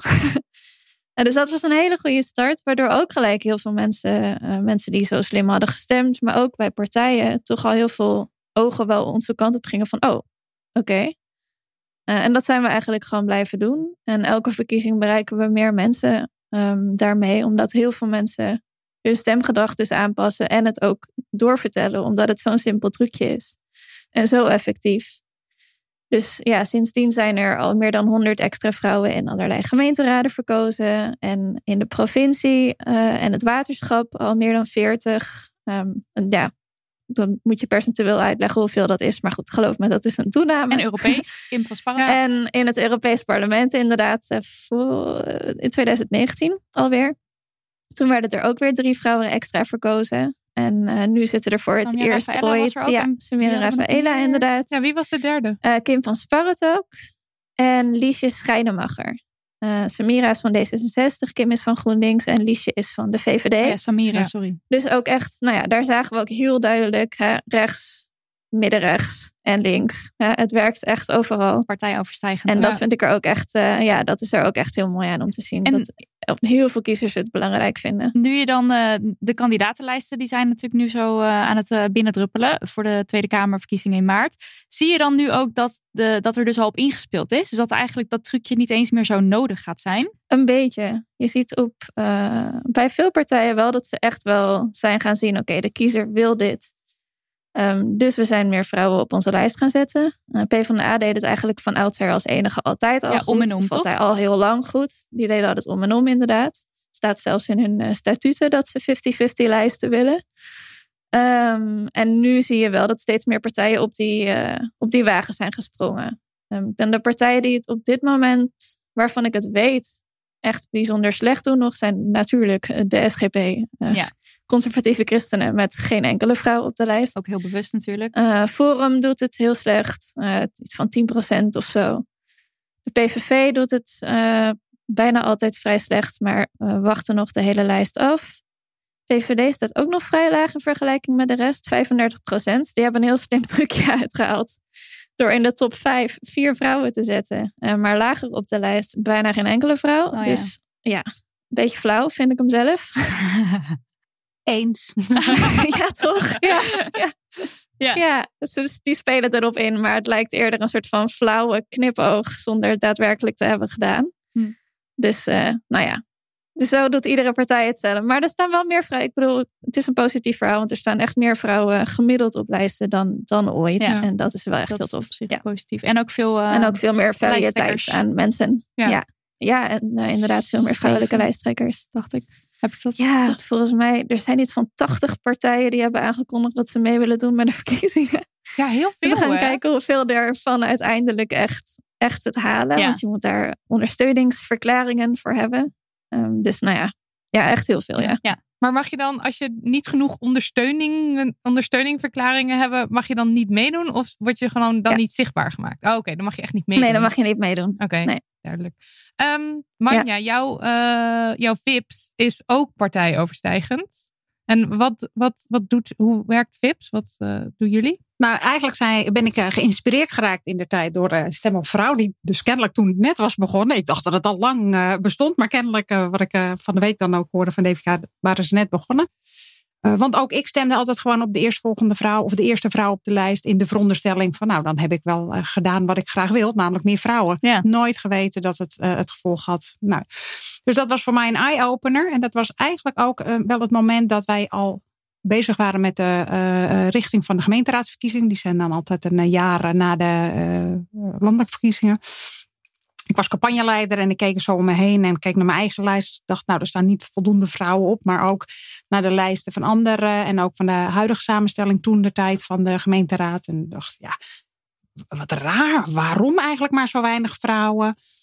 Eh, ik zelf vind het een enorme leuke eh, ja, baan. En ik vroeg me dus af waarom er maar zo weinig vrouwen geïnteresseerd en waarom ze er ook weer zo snel uitgingen. Nou, dan ga je daar eens wat onderzoek naar, eh, naar doen. En dan blijkt het dus landelijk te zijn. En dan kom je ook eh, langs eh, de Stichting Stem op een Vrouw. En toen dacht ik, ja, hier wil ik wat aan doen. Nou, toen in eerste instantie ehm, over nagedacht van nou, als, dan ga ik dat voor mijn eigen partij doen. En toen bedacht ja, maar nee, ik wil dit voor de hele raad. En dan moet ik het politiek neutraal maken. Dus ik heb eigenlijk met alle partijen contact gezocht. En ook met de gemeentelijke griffie. Van goh, kunnen wij hier iets met z'n allen in betekenen? En al heel snel omarmde de hele gemeenteraad het eh, initiatief. En alle fractievoorzitters gaven hun eh, oké. dat, dat moet je natuurlijk wel eerst even afstemmen. Want ze kunnen ook denken, goh, die probeert alleen maar eigen politiek gewinnen. Of Oh ja. er zit een trucje achter. Nou, dat, dat werd gelukkig heel snel duidelijk eh, dat dat niet het geval was. En dan mogen we dus ook de griffie ervoor instellen. We kunnen de gemeente eh, de raadzaal gebruiken voor vergaderingen. En het stadhuis voor eventuele bijeenkomsten. Als de hele raad erachter staat. Dus dat was heel, eh, heel fijn. En we zijn eigenlijk vanaf dat moment meteen ook begonnen met het eh, opnemen van filmpjes. Met het schrijven van columns. om vooral maar vrouwen op te roepen om zich kandidaat te stellen. Om contact op te nemen met die politieke partijen. Om op die manier op, op zo'n kieslijst te komen. Nou, toen op een gegeven moment eh, zijn dan die kieslijsten zijn gesloten en dan eh, eh, loopt dat. Ja, en toen zijn we meer gaan zenden van richting, dit zijn de dames die er in Purmerend te verkiezen zijn. Dames en heren, kies. En kies vooral niet de eerste, maar kies ook degene wat lager op de lijst. Ja. En dat blijven we eigenlijk nu steeds zo doen. Dus op het moment dat de verkiezingen eraan komen, zoals nu, want wij zijn een, een fusiegemeente, dus wij hebben eerder verkiezingen dan de rest van het land. We hebben komende november al verkiezingen. Ook nu zijn we weer bezig met eh, op te roepen van, nou, stel je nou verkiesbaar, neem contact op met zo'n politieke partij als je interesse hebt en ehm, eh, meld je aan. En zodra dan de lijsten weer zijn samengesteld, dan gaan we weer eh, zenden van, nou, dit, dit zijn de dames die er zijn in Purmerend en kies vooral een van deze dames. En aan wat voor dingen moet ik dan denken in zo'n filmpje of column dat je dat ook dus ook echt voor elkaar krijgt? Wat, wat zeg je dan? Of, Nou, je, je kunt over alles meepraten. Je kunt eh, initiatieven indienen. Eh, en een voorbeeld waar ik eh, ook de column over heb geschreven. En één, want je vroeg net naar de concrete cijfers. Nou, ik heb helaas niet de aantallen zoals DVK had ik heel graag gehad. Maar ik heb maar eh, 37 raadsleden. Dus als ik er 40 zou hebben, zou ik niet weten waar ik ze moet laten. maar ehm, eh, een van de eerste eh, echte concrete successen is een dame van GroenLinks geweest. Die ook toen meteen op de kieslijst kwam en ook verkozen is meteen als raadslid. Ze doet het hartstikke. Ze is totaal niet van mijn kleur, maar ze doet het supergoed en daar ben ik haar trots op. En zij kwam met het onderwerp menstruatiearmoede. Ik zal eerlijk zeggen, ik had er in mijn langzaamste levensdagen niet over gehoord. Maar dankzij haar kwam het op de agenda. En hoor je er eens over. Ja. en Ja. dat vind ik het allerbelangrijkste. En ehm, ja, daar ben ik echt trots op. Dat zijn onderwerpen. Dus je krijgt ehm, meer vrouwen die op hun manier meedenken over onderwerpen. Wat, wat net al geschetst ook werd, hè, waardoor je toch een soort andere vibe krijgt. Maar je krijgt ook hele andere onderwerpen op de agenda. Waar, waar je gewoon als man zijnde niet zo snel over nadenkt. En daarom hebben we niks eh, alleen maar aan mannen en vrouwen. Moet ik ook een hele hoop jonge lui in die raad zien te krijgen. En mensen met een culturele achtergrond. Omdat je ook op die manier gewoon veel meer en eh, veel meer verschillende soorten onderwerpen krijgt. En je er ook veel beter over kunt nadenken. Ja, want we hebben het nu heel erg over vrouwen. Maar eh, bijvoorbeeld mensen met een beperking zien we nauwelijks eh, eh, terug in de politiek. Nou, mensen van kleur, dat is net al aangetikt. Ook echt nog problematisch ehm, eh, wat de cijfers daarin zijn. Ja, nemen jullie zoiets ook mee in je initiatief? Ja, steeds meer. Ehm, het is het, het mist inderdaad echt nog totaal. Ik, ehm, het valt me ook in allerlei beleid op. Bijvoorbeeld met, met corona, dat heel veel ondernemers op een gegeven moment dan dat mensen buiten mochten zitten, weet je wel, alleen buiten en niet binnen, bij horeca bijvoorbeeld. Mm Kwam er veel meer, nou in Amsterdam in ieder geval, veel meer terras op de stoep. En ik dacht de hele tijd, wat als je hier langs moet met je rollator of je rolstoel of zo, weet je wel. En daar leek niemand gewoon aan te hebben gedacht. Echt, er waren zoveel stoepen geblokkeerd. En ik liep er elke keer langs en ik dacht, dit kan toch niet? Ehm, dus alleen dat al. Ik weet zeker dat als er iemand in de raad had gezeten die bijvoorbeeld zelf in een rolstoel zat, dat die echt wel even had gezegd, ja, maar terrassen op de stoep, dat gaat zomaar niet. Daar moet je dan wel regels voor maken. Ja. Ehm, dus het komt in alles terug. Dus ja, we vinden het, ja, natuurlijk vinden we het belangrijk, maar het is ook die toegang werkt ook heel anders. Want niet eens elk politiek gebouw is bijvoorbeeld toegankelijk. Um, maar je hebt ook, stel je bent uh, uh, bijvoorbeeld sneller moe dan iemand anders, omdat je bijvoorbeeld een chronische ziekte hebt of wat dan ook, um, dan zou je dat werk ook nog steeds moeten kunnen doen. Alleen dan gaat bijvoorbeeld die vergadering tot drie uur s'nachts gaat dan niet meer. Dus je moet ook constant bespreekbaar maken van wat hebben de mensen nodig om actief te worden. En als het er niet bij past, moet je het veranderen. Dus ja, tenminste, dat vind ik. Ja. maar goed, hoe wij dat doen, ja, het is nog best lastig hoor. Want het is niet dat we een soort van pot met mensen kunnen opentrekken met deze moeten van ons de politiek. En je bent toch afhankelijk van dat je mensen bereikt en dat ze dan hopelijk gemotiveerd zijn om je trainingen te volgen. Dus wat wij doen is in ieder geval alles gratis. Hm. Ehm, zodat bijvoorbeeld geld geen barrière is, maar ook geen andere mentale barrières. En dan weet je in ieder geval kan altijd kijken. En uh, bijvoorbeeld als we een groot evenement hebben of zo, uh, dan zorgen we wel voor een gebarentaaltolk, een Nederlandse gebarentaaltolk. Dat doen we ook nog niet zo lang hoor. Dus we zijn er ook echt nog in aan het groeien hoe je dat nou beter kan doen. Ja. Ik las bijvoorbeeld laatst dat het belangrijk is dat op je website uh, het contrast hoger en lager gesteld kan worden, mm -hmm. zodat het beter leesbaar is. Dus nou ja, zo leer je elke dag wat bij. En, uh... Ja, maar precies dit, hè. Je, je kan het niet allemaal weten. Dus je zal iemand in je groep moeten hebben, in ja. je politiek moeten hebben, die dat jou dit het, soort dingen precies, kan vertellen en leren. Zegt. Ja.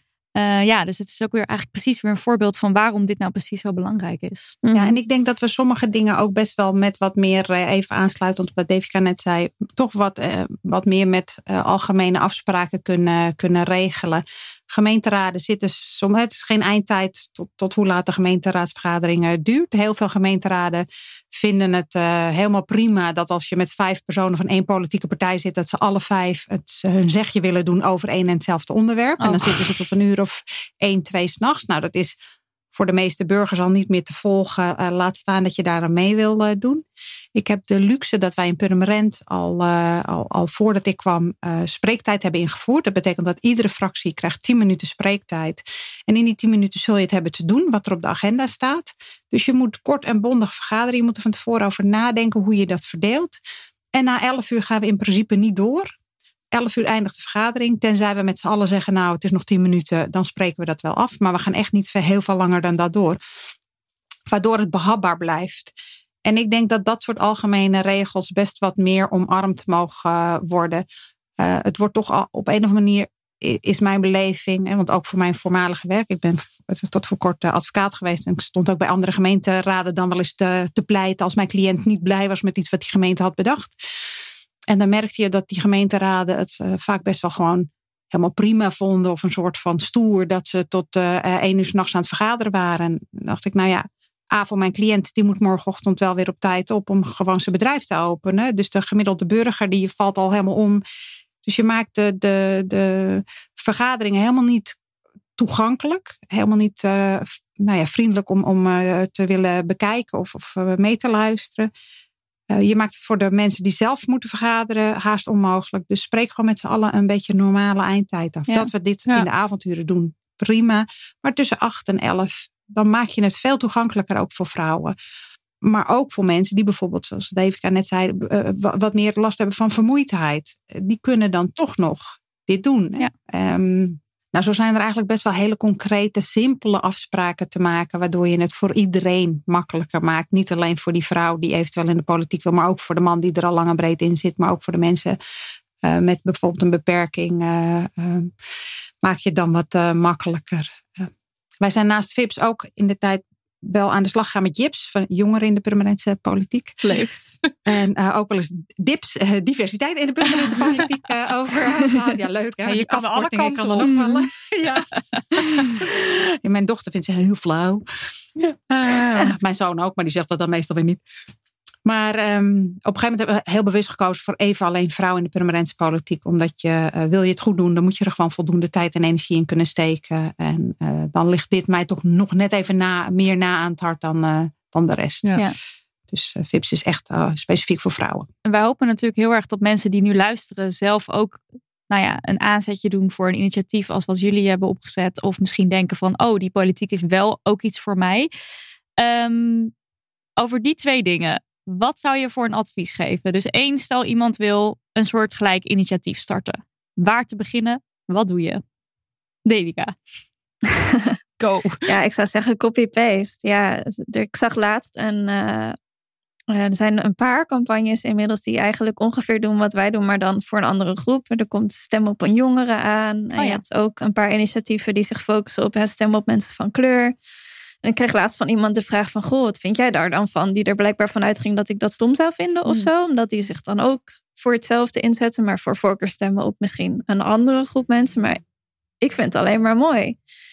Ja, beter toch? Ik hoop dat zoveel mogelijk mensen dit gaan doen en slimmer gaan stemmen. En, en gaan beseffen, mijn groep mensen eh, moet verdorie beter vertegenwoordigd worden. Dus ja, lekker doen en kopieer plak gewoon.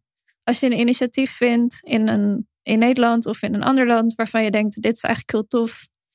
Kijk gewoon of je dat in kleine vorm kan kopiëren. Want echt, eh, de meeste goede ideeën zijn al eens bedacht. Ja, ja. En zoek de verbinding. Ja. Eh, Ga, ga vooral niet het wiel zelf uitvinden als iemand anders. Maar, maar uh, als iemand, uh, een, een gemeenteraadslid in uh, een andere gemeente dit zou willen doen, maar niet helemaal weten hoe, ja, please bel, vooral, mail, whatever. Zodat het kan helpen. En, en dat zou ik ook willen zeggen voor anderen die wellicht een mooi initiatief hebben en denken, goh, heeft Devika dat gedaan? Dan, dat zou ik me kunnen voorstellen. Dat diegene gewoon zegt van ik neem contact, contact ja, op. Tuurlijk, ja. ja. En vraag van waar, waar kunnen we elkaar wellicht versterken. Ja.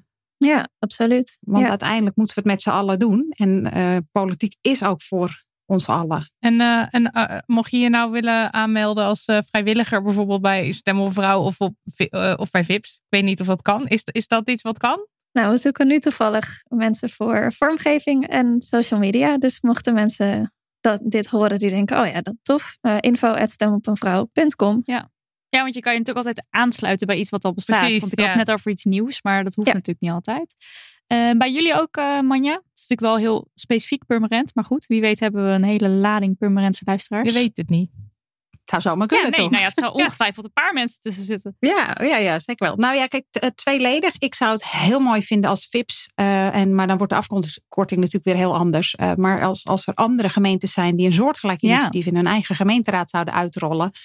Um, omdat je juist dan die verbinding krijgt die heel lokaal is. Hè? Iedere, iedere landelijke partij heeft wel een, een nou ja, liberale vrouwen of, of de, de uh, hoe heet het nou ook van de PvdA? Netwerk. Elsborgs oh. netwerk inderdaad. Nou, zo heeft iedere politieke partij wel een, wel een bepaald netwerk. Maar dan is het altijd toch weer echt politiek uh, gedreven. En het gaat juist om het zoeken naar die verbinding, het samenwerken. Want dan zie je dat vrouwen die nu nog twijfelen over durf ik wel in de politiek en welke partij hoor ik dan bij, weten ze ook heel vaak nog niet. Je hoort namelijk nooit echt 100% bij een partij. Je past een stukje wel bij die, maar een stukje ook weer bij die. En wat past dan nou net van die lokale partij wel het best bij jou? Is een D66 lokaal precies hetzelfde als D66 landelijk of zit daar toch verschil in? Nou, daarvoor zou ik zeggen, als iemand een eigen initiatief wil op, um, opzetten in zijn eigen uh, lokale uh, gemeenteraad, neem vooral contact ook met mij uh, op. Dat kan via vips, uh, vipps.hotmail.com. Um, en ook als mensen gewoon geïnteresseerd zijn in de politiek in Purmerend en iets willen, ofwel in contact willen komen met een buddy van hun uh, partij naar keuze, of gewoon eens vragen willen stellen over hoe werkt dat in Purmerend, mogen ze me ook altijd mailen. En als je me googelt, zie je ook overal nergens 06-nummers. Dus vooral doen. Go for it. Oké, okay, dus niet, uh, niet bang absoluut. zijn voor een uh, Gewoon contact opnemen. Gewoon gaan. Heel dat is ook trouwens iets wat ik door deze podcast heb geleerd. Dat je dus met een gemeenteraadslid best wel makkelijk koffie kunt gaan drinken. Dat dat gewoon iets is wat kan. Wat je in ieder geval kan voorstellen om te gaan doen. Nou, Ja. je, je moet je niet dwingen tot koffie drinken, maar je kan een, een mailtje sturen en contact opnemen. Ja. ja. In En- deze coronatijd is het even wat ingewikkelder, inderdaad. Maar nou ja, zit een ik online kopje koffie. absoluut. Ja. Ja. maar dus, daar zit juist iedereen op te wachten. Want uiteindelijk haal je je informatie vanuit de samenleving. Maar Dan moet het wel dan is komen. het Ja. handig als af en toe de samenleving ook naar jou toe komt. Zeker, ja. En eh, wat is het belang van zo'n Ribius Pelletier penning? Ja, die penning. Ik vond het. eh, ik vind het ten eerste gewoon heel goed dat een provincie zegt van we gaan gewoon. We weten dat de emancipatie van vrouwen op politiek gebied in onze provincie beter kan. Dat is eigenlijk natuurlijk wat ze ermee zeggen. Ja. En iedereen die er wat aan wil doen, eh, moedigen ze op deze manier aan. En ze geven het een podium. En dat is gewoon. Dat is volgens mij gewoon heel mooi. Want hoe meer hierover gepraat wordt, hoe meer mensen initiatieven zoals dat van Manja ook gaan zien. En misschien zelf gaan opzetten. En ook het belang be- misschien een beetje gaan inzien. Dus ja, dat vind ik super belangrijk. En eh, ja, het was ook gewoon natuurlijk heel, heel eervol om hem te winnen. Ehm, en dat heeft ook wel weer eh, veel meer binding, denk ik, gebracht met bijvoorbeeld lokale journalisten, maar ook.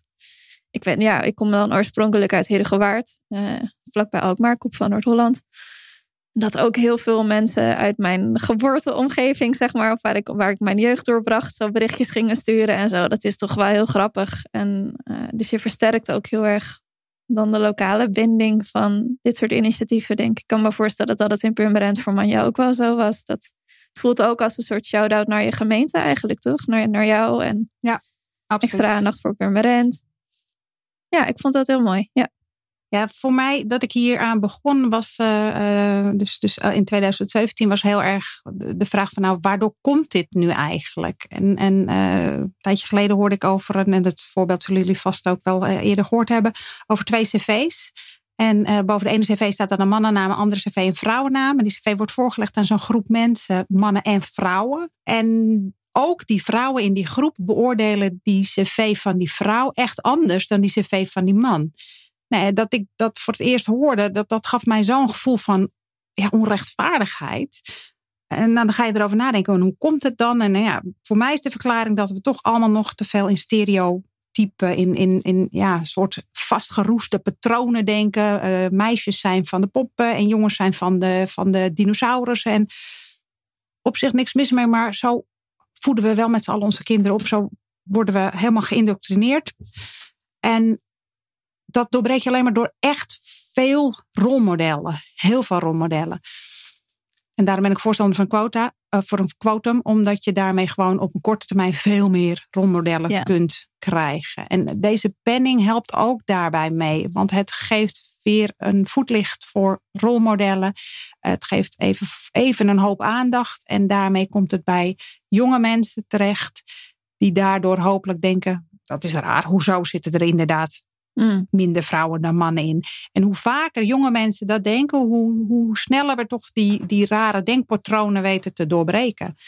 Het gaat nog lang niet snel genoeg, maar uiteindelijk is dat denk ik wel de weg die we moeten bewandelen door toch steeds erop te wijzen, jongens, dit is niet, het is niet oké dat meiden minder verdienen voor precies hetzelfde werk. Het is niet oké dat een identieke cv toch anders wordt beoordeeld, alleen maar omdat er een meidennaam boven staat. Ja. En pas als je dat, ik heb het eh, aan de eettafel hier besproken en dan zie je ze ineens, ah, maar het werkt wel door. En uiteindelijk eh, ehm, vinden ze het ook echt niet oké. En hebben ze het er ook over met hun vrienden. En ja, ik denk dat dat de manier is waarop we dit kunnen doorbreken. En, en Manja, merk je dan bijvoorbeeld aan je, aan je dochter dat de politiek voor haar een, een serieuze optie is? Of minister-president worden? Nee, eh, maar dat is omdat ze gewoon qua karakter daar niet het eh, type zozeer eh, voor is. Nu nog. Maar dat was ik denk ik op die leeftijd ook niet. Nee. Maar het geeft haar wel in ieder geval het beeld van wat, wat ik ook wil worden. Dat kan ik worden. Het kan allemaal. Ja. Dat, dat weet ze. En dat vind ik eigenlijk belangrijk. ehm, ehm, dat, als ze, dat ze weet dat als ze zich echt inzet en eh, best doet, dat ze alles kan worden wat ze zou willen. Geldt even zo voor mijn zoon, hè? Ja, als hij nee, zich ja. echt inzet, kan hij. Dus, dus dat vind ik be- belangrijk dat die kinderen dat, eh, dat gewoon eh, weten. Maar niet automatisch wordt gedacht, ja, als ik dan straks een kindje krijg, dan ga ik drie dagen werken en dan eh, gaat mijn man veel werken. dat is toch nog wel steeds hoe er een beetje wordt beleefd.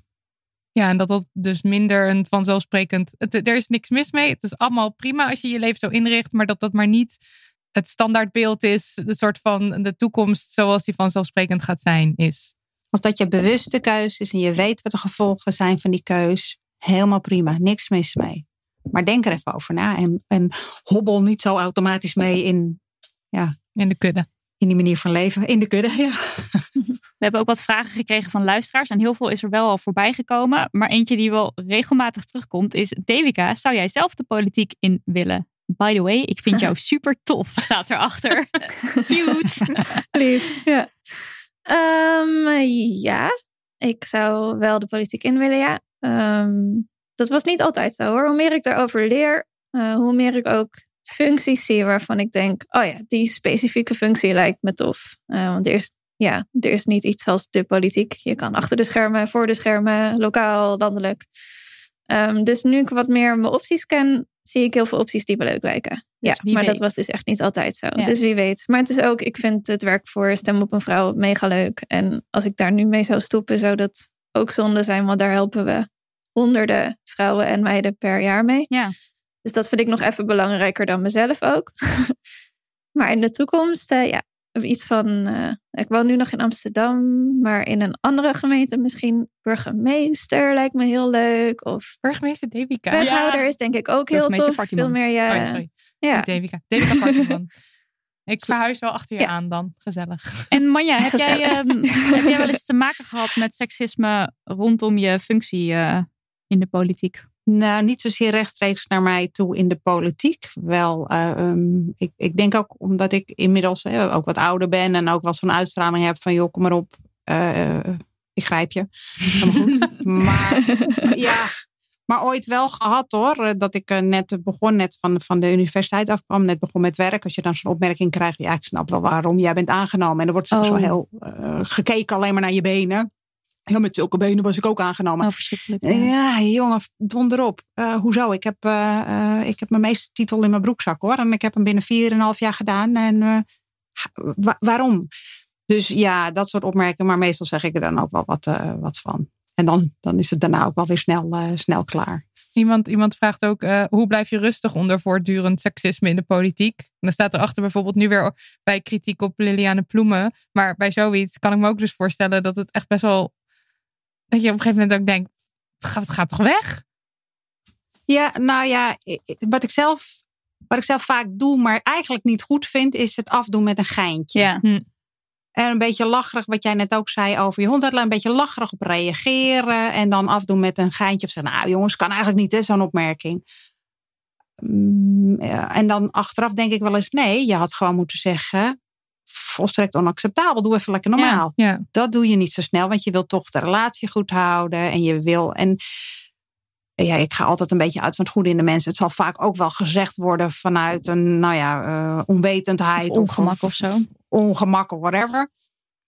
Maar um, ja, meestal doe ik het af met een ge Ik trek het me gewoon vooral niet aan. Het, daadwerkelijk boeit me helemaal niks. Als iemand denkt dat ik ergens alleen maar in zit op, op mijn uiterlijk. En ik, ik noemde net even dat boek dat we hebben geschreven over die shitopmerkingen die je dus kan krijgen als vrouw. Zijn dit soort opmerkingen ook onderdeel van bijvoorbeeld trainingen? Van nou, dit zou je kunnen horen. Dit is wel heel specifiek van nou, je zit hier alleen maar vanwege je uiterlijk. Maar dat je dat meeneemt in je trainingen. Dat je een soort van hulp krijgt in je daartegen te weren. Ja, we hebben wel bij de trainingen uh, er over het algemeen aandacht voor dat het kan gebeuren. Maar uh, niet zozeer. Kijk, op het moment dat wij, wij halen als het ware de dames binnen. Mm -hmm.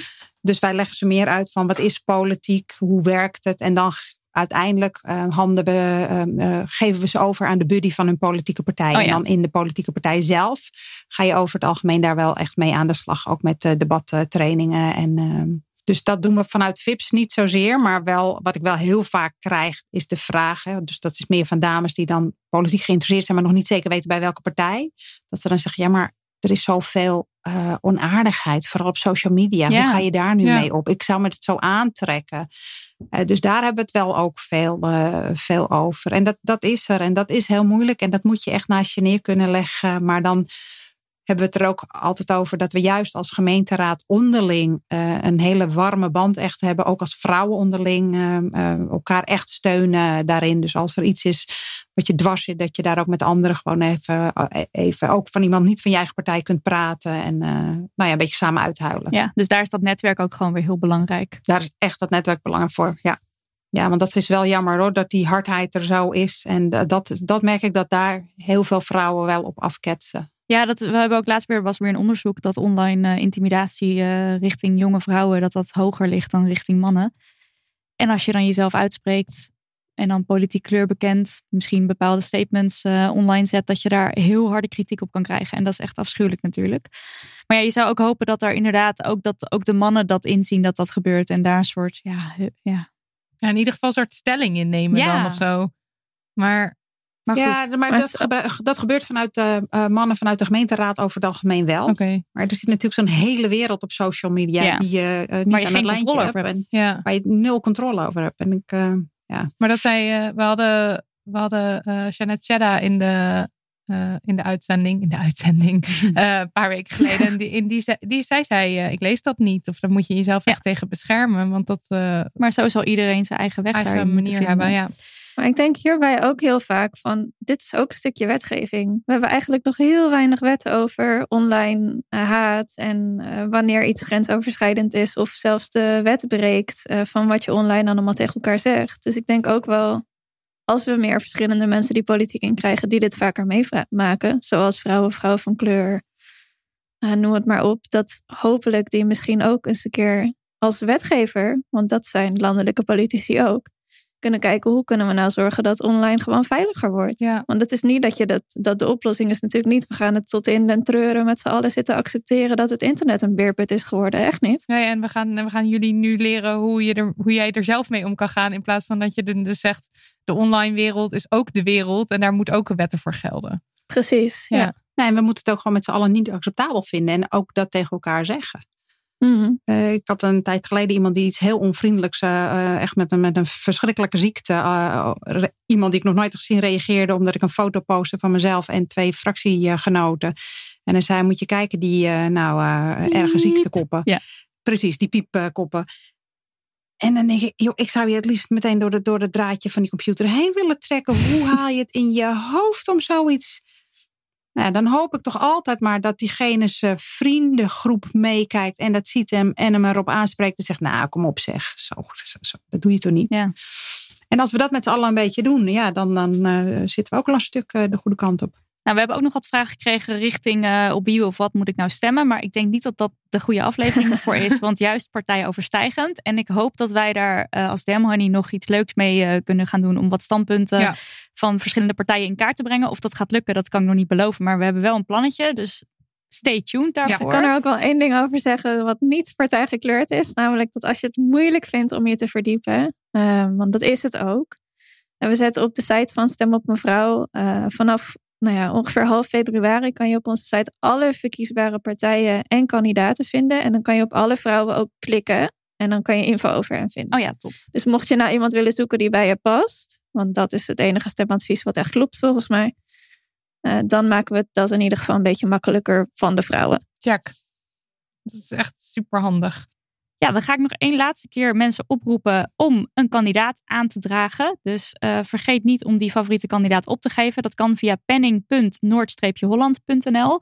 Uh, of, ik ga dat nog beter, mensen oproepen om volgend jaar die winnaar te worden. Dus mocht je niet al bezig zijn met een initiatief, doe het nu. En please neem contact op met David en met Manja. Ze zeggen zelf van het mag, dus pak die kans. ja, mag. Of, of schrijf dus inderdaad naar een gemeenteraadslid in je eigen gemeente waarvan je denkt, nou, die kan me misschien een klein beetje op weg helpen. Doe het alsjeblieft, want we hebben jullie allemaal hard nodig op die plekken. En als je dan uh, lekker op weg bent, zou ik zeggen, stuur ons een berichtje. Want uh, wij vinden het ook altijd erg leuk om te weten hoe mensen bezig zijn met uh, van alles. Klopt, zeker. Ja. En ook wat je ook kan doen op penning noord-holland.nl is een foto van je favoriete kandidaat in de galerij plaatsen bij de winnaressen van voorgaande jaren. Dus naast Devika en Manja. Uh, en dan kan je de kandidaat op die manier in ieder geval vast een beetje in het zonnetje zetten. Want ook als iemand niet wint, heeft hij natuurlijk um, nou, wel recht op, vind ik een beetje groot gezegd. Maar het is leuk om iemand te, Te laten zien van, ja, ik, ik zie wat je doet en ik wil je eventjes eh, in het zonnetje zetten. Dus doe dat alsjeblieft. Leuk.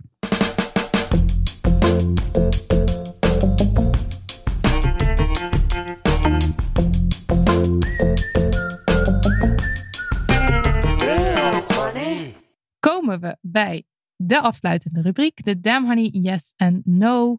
Nidia, de No, go. Ja, heb je even. Want in de vorige aflevering was het al hommeles. Ehm, toen had ik een yes, maar daar kon ik dus niet opkomen. Omdat alles leek eventjes heel erg verkeerd, eh, de verkeerde kant op te gaan. En dat, ja, er was eigenlijk weinig verandering in in mijn ogen. Want we hadden natuurlijk eh, afgelopen weekend eh, verschrikkelijke rellen door heel Nederland heen. We nemen dit op op maandag, dus dat is echt nu net gebeurd. Waarbij zelfs ziekenhuizen werden aangevallen. Nou, echt, uh, echt afschuwelijk. Um, een klein lichtpuntje. Ik hoorde wel dat in Eindhoven nu allemaal vrijwilligers vandaag uh, Ja. ervoor kozen om het uh, te gaan helpen opruimen. Dat vind ik dan wel weer positief. Maar goed, verder geen woorden aan vuil maken. Um, waar we ook net ook weer achter kwamen, is dat um, er in België een uh, ex-wielrenster is die ploeggeleider wilde worden van een ploeg, maar dat niet mocht omdat zij zogenaamd te sexy foto's uh, weer ergens um, had staan in een blad. Deed mij enorm denken aan de Damn Honey No vorige week van Marilotte, want dat was Kaat Bolle, psycholoog. En die mocht haar vak, uh, of werd op de vingers getikt door de psychologencommissie omdat ze te sexy zich gedroeg. En dus nu weer zo'n situatie in België, dat je echt denkt van, hallo, dit, twee weken geleden hadden jullie deze situatie nog en nu gebeurt dit gewoon weer. Ja, hoe kan dat, hè? Ja, nou inderdaad. Um, en uh, even kijken hoor, wat was haar naam ook alweer? Tara Gins, ik wil het wel even goed erbij zeggen. Tara Gins heet zij. En zij heeft zelf ook een statement gemaakt op haar uh, Instagram over de wielerwereld. Uh, en daarin vertelde ze dat zij zelf meermaals te maken heeft gekregen met seksueel grensoverschrijdend gedrag. En daarover schreef ze dan de woorden: Helaas kan je als man iets meer in het wereldje. Dat idee, die dubbele standaard van nou, als man grensoverschrijdend gedrag plegen en daarmee anderen schaden en er dus mee wegkomen, versus als vrouw op een foto gaan, niemand daar kwaad mee doen, gewoon daar zijn en dan vervolgens uh, gezegd worden: jij mag dus nu niet deze taak gaan vervullen. Het is echt heel uh, pijnlijk. Rot. Maar goed, dat was dus niet eens mijn echte Dem Honey No, want die had ik al eerder. Um, en uh, laten we, laat ik daar ook vooral niet lacherig over doen, want het is een heel verdrietig en een, een tragisch verhaal. Korte trigger warning, het gaat ook over zelfdoding. Ik zag namelijk het volgende nieuwsbericht voorbij komen. Uh, 13-jarig meisje maakt een einde aan haar leven nadat expliciete beelden van haar waren verspreid via social media. Nou, ik word er stil van als ik zo'n bericht lees. Het verspreiden van dat soort beelden, dat moet echt stoppen. Het maakt zoveel kapot. En het gaat nu om een heel jong mens, maar überhaupt. Hè, dus deel die beelden niet. Ook niet als het een bekende Nederlander is die in het nieuws is. En uh, iedereen heeft het erover aan de koffietafel. Uh, Patricia Pai, Fred van Leer bijvoorbeeld. Uh, afgelopen tijd allebei gebeurd. Het, is, het maakt echt gewoon zoveel kapot. En um, nou, het hele taboe op seksualiteit laten zien, alles, daar moeten we ook echt van af. Maar oh my god, hou toch in ieder geval op met die beelden delen. Um, en mocht je nou zelf een keer in zo'n situatie komen, je kunt dus op helpwanted.nl anoniem advies vragen. Uh, ook trouwens, als je als, uh, als leerkracht bijvoorbeeld hier naar luistert en denkt van, oh, maar ik wil daar eigenlijk wel iets uh, met mijn klas mee doen of zo, dan kunnen ze ook input leveren. en het boek um, Help, ik sta online van Francine Regeling zou je kunnen lezen. Ja, en ja. heb je nou zelf hulp nodig? Denk je aan zelfdoding of maak je je zorgen om iemand? Dan kan je altijd, iedereen kan 24 uur per dag anoniem bellen met uh, 0800 0113 of chatten met 113.nl. Uh, doe, dat, doe dat ook. Ja. Ik bedoel, heb je hulp nodig, um, pak de telefoon. Yes. Een yes. Een yes. Yes en yes. Ik vind dat zo'n overgang. Dan ja. met zo'n heel zwaar onderwerp dan moet je opeens positief gaan zeggen. Oké. Okay, uh, Please do it. Ja, oké. Okay. Waar, um, waar we het over gehad hebben. Representatie, belangrijk. Rolmodellen, belangrijk. En er zijn op dat gebied nu wel uh, goede, fijne dingen aan de hand. Uh, allereerst wil ik even noemen dat de nieuwe Amerikaanse president Joe Biden de eerste transpersoon ooit heeft benoemd in zijn kabinet, namelijk gezondheidsexpert Dr. Rachel Levine. En uh, zij wordt onderminister van Volksgezondheid. Um, en dan zijn er nog twee docu's die ik wil tippen. En dat is niet alleen om te kijken. Uh, eigenlijk dat ook wel, maar ze bestaan nog niet. uh, ik wil ze tippen om geld aan te doneren, zodat ze gemaakt kunnen worden. En de eerste is Momentum. En dat is een docu die verhalen vertelt van drie jonge vrouwen die dit jaar uh, strijden voor een plek in de Tweede Kamer. Het gaat om Carline van Breugel en zij organiseerde protestacties voor het onderwijs. Mikal Tsegai maakte zich als raadslid in Den Haag hard voor kansengelijkheid. En Michanteli de Jong uh, dook in vraagstukken rondom klimaatrechtvaardigheid. En alle drie uh, zijn ze dus dit jaar uh, verkiesbaar voor de Tweede Kamerverkiezingen. elk bij een andere partij. Carline bij D66, Mikal bij PvdA en Michelanti bij, bij 1. En ze zijn alle, alle drie met een eigen verhaal bezig op een eigen manier. En uh, ja, Momentum die, uh, die volgt ze dan uh, daarin. En dat is dus vooral omdat er momenteel nul vrouwelijke twintigers in de Tweede Kamer zitten. ook jonge vrouwen van kleur en queer mensen zijn onvoldoende gerepresenteerd. Ja, we hebben het er net allemaal over gehad. Het is abominabel. Nou, voor mij. En nou ja, het is dus het zou mooi zijn als deze docu er is. Doet me ook een beetje denken aan Knockdown the House. Ja, zeker. Ja, dat is het een beetje. Waar uh, eh, EOC, uh, Alexandra, Alexandria Ocasio-Cortez wordt gevolgd. Ja, en waardoor je dus ook als je dat kijkt, denkt als jonge vrouw van... Oh, hey, Dit kan vet. ik ook. Precies. Ja, precies. En uh, nou is het dus wel zo dat ze geld nodig hebben. Ze hebben een bedrag geef nodig geld, van 20.000 euro. Dus dat wordt dan besteed aan productie en aan de mensen die, die helpen en filmen en monteren en weet ik wat. Dus geef geld. Ik zet de link in de show notes. En dan is er dus nog een andere docu die ook nu gemaakt wordt. En die heet Notes from Brussels. En die volgt drie vrouwen achter de schermen van de Europese politiek. Ook heel erg interessant. Beetje hetzelfde verhaal, denk ik, omdat het uh, van wat ik nu gezien heb aan, uh, aan de trailer. Uh, ook omdat zij, omdat zij hun leven leven in de politiek en dat het opeens dichterbij is voor ja. jou als vrouw als je dat kijkt. en die film is ook te steunen, is ook geld nodig. En ook die link zet ik in de show notes. Dit was aflevering 60. Dankjewel Manja, dankjewel Devika. Zowel voor het hier zijn als uh, voor al het goede werk wat jullie doen. En Daniel van de Poppen, bedankt schat voor de editkunsten. Lucas de Gier voor je swingende jingles. En Lisbeth Smit voor de En dank lieve luisteraars voor de intunings. Vergeet niet om jouw favoriete kandidaat voor de Ribius Pelletier Planning van 2021 op te geven. Dat kan nog tot en met zondag 14 februari en wel op penning.noord-holland.nl. En uh, dit alles zetten we uiteraard ook in de show notes. En daarvan is de website regel. Damoney.nl slash aflevering Ja, dan kan je net goed penning.noord-holland.nl onthouden, denk ja. ik. Maar goed. Ik weet niet waarom het hier staat. Ik las het voor. Goed. Uh, dag lieve mensen. Dag. Dag. We love you. Dag.